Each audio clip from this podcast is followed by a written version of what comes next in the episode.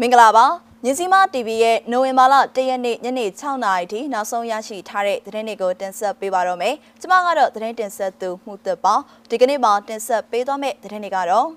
မြင်းချံမြို့နယ်ပြားကျေးရွာတိုက်ပွဲစစ်ကောင်စီတပ်သား3ဦးသေတဲ့သတင်း PDF တွေကိုလာရှာတဲ့စစ်ကောင်စီတပ်သားတွေမိုင်းဆွဲတိုက်ခိုက်ခံရပြီးတေဆုံးသူရှိဟုဆိုတဲ့သတင်း။ပဲခူးမြို့မှာပောက်ကွဲမှု၄ကြိမ်ဖြစ်တဲ့သတင်း။ ဖုံးမပါတဲ့သူတွေကိုစစ်ကောင်စီကဒဏ်ငွေကျပ်9000ရိုက်တဲ့တဲ့အစရှိတဲ့သတင်းတွေကိုတင်ဆက်ပေးသွားမှာပါ။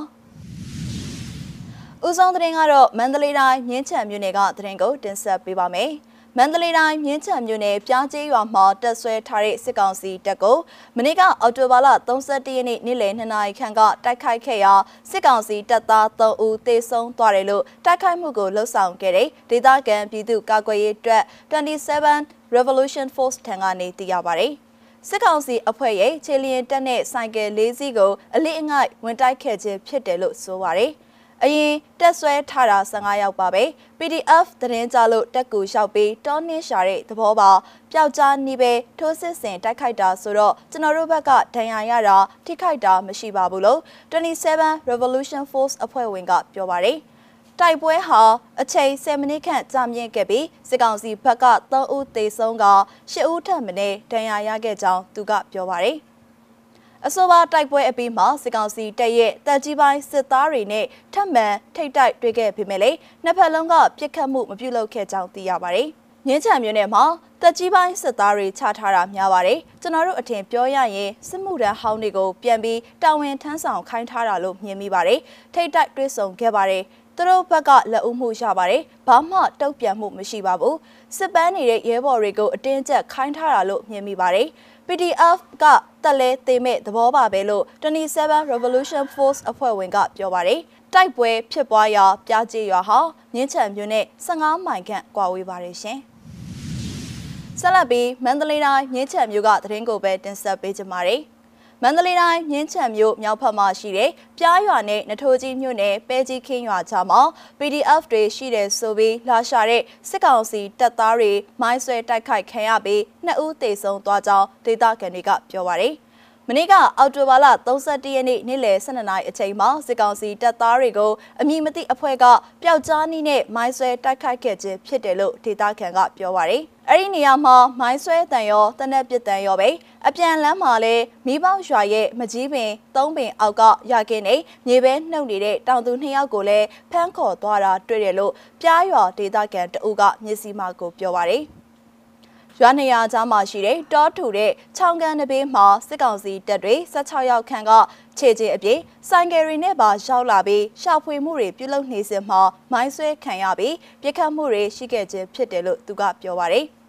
အဲ့ဒီလိုတိုက်ခိုက်ခံရပြီးတဲ့နောက်မိဘရွာကအသက်50ကျော်အရွယ်ဦးတန်းထေနဲ့အသက်20အရွယ်ကိုဖိုးခိုင်တို့နှစ်ဦးကိုစစ်ကောင်စီတပ်ကအကြောင်းမဲ့ဖမ်းခေါ်သွားတာပဲဖြစ်ပါတယ်။ငင်းချံတောင်ဘက်မှာရှိတဲ့ရွာတွေမှာတပ်ဖြန့်ချထားတဲ့စစ်ကောင်စီတပ်သားတချို့မှာပြားရွာနဲ့ပဲကြီးကင်းရွာဘက်ကိုခြိတက်သွားတာကိုမြင်တွေ့လိုက်ရကြောင်းကိုလည်းငင်းချံမျိုးနယ်ဒေသခံအချို့ကပြောပါတယ်ရှင်။ဆက်လက်ပြီးပဲခူးကသတင်းကိုတင်ဆက်ပေးကြပါမယ်။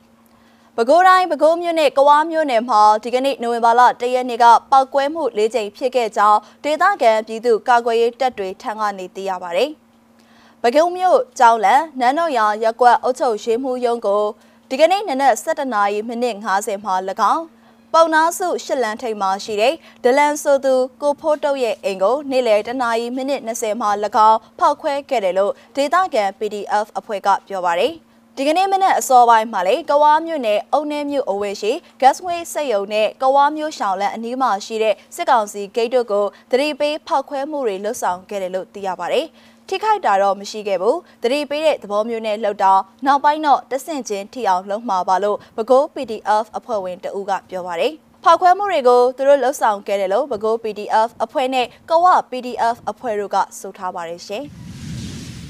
နောက်ဆုံးသတင်းအနေနဲ့ AR တိုင်းမော်လမြိုင်ကျွန်းမြို့ကသတင်းကိုတင်ဆက်ပေးကြပါမယ်။ AR တိုင်းမော်လမြိုင်ကျွန်းမြို့မှာအပြင်းထက်သူတွေကိုစစ်ကောင်စီတပ်ဖွဲ့ဝင်တွေကစစ်ဆေးမှုတွေပြုလုပ်လျက်ရှိရာဖုံးမပါလာတဲ့သူတွေကိုတံငွေကျပ်9000ရိုက်ပြီးဖုံးပါတဲ့သူတွေကိုဖုံးဖွင့်စစ်ဆေးနေကြောင်းဒေသခံတွေကပြောပါတယ်။မင်းညကမြို့အဝင်စစ်စေးကိန်းနာမှာဖုံးပေါက်တယ်လို့ကြားတယ်အဲ့ဒါနဲ့ဒီမနက်တော့ စစ်သားတွေရဲသားတွေကမြို့ရဲကိုလာပြီးပိတ်ဆို့စစ်ဆေးနေတာပါသူတို့စစ်လို့ဖုံးပါမလာရင်ပတ်စံကျပ်9000တောင်းနေဖုံးပါလာတဲ့သူတွေကိုလည်း Facebook ဖွင့်ခိုင်းနေမတင်ငါရင်တခါတည်းခေါ်သွားကြတယ်လို့ဒေတာကန်တဦးကပြောပါတယ်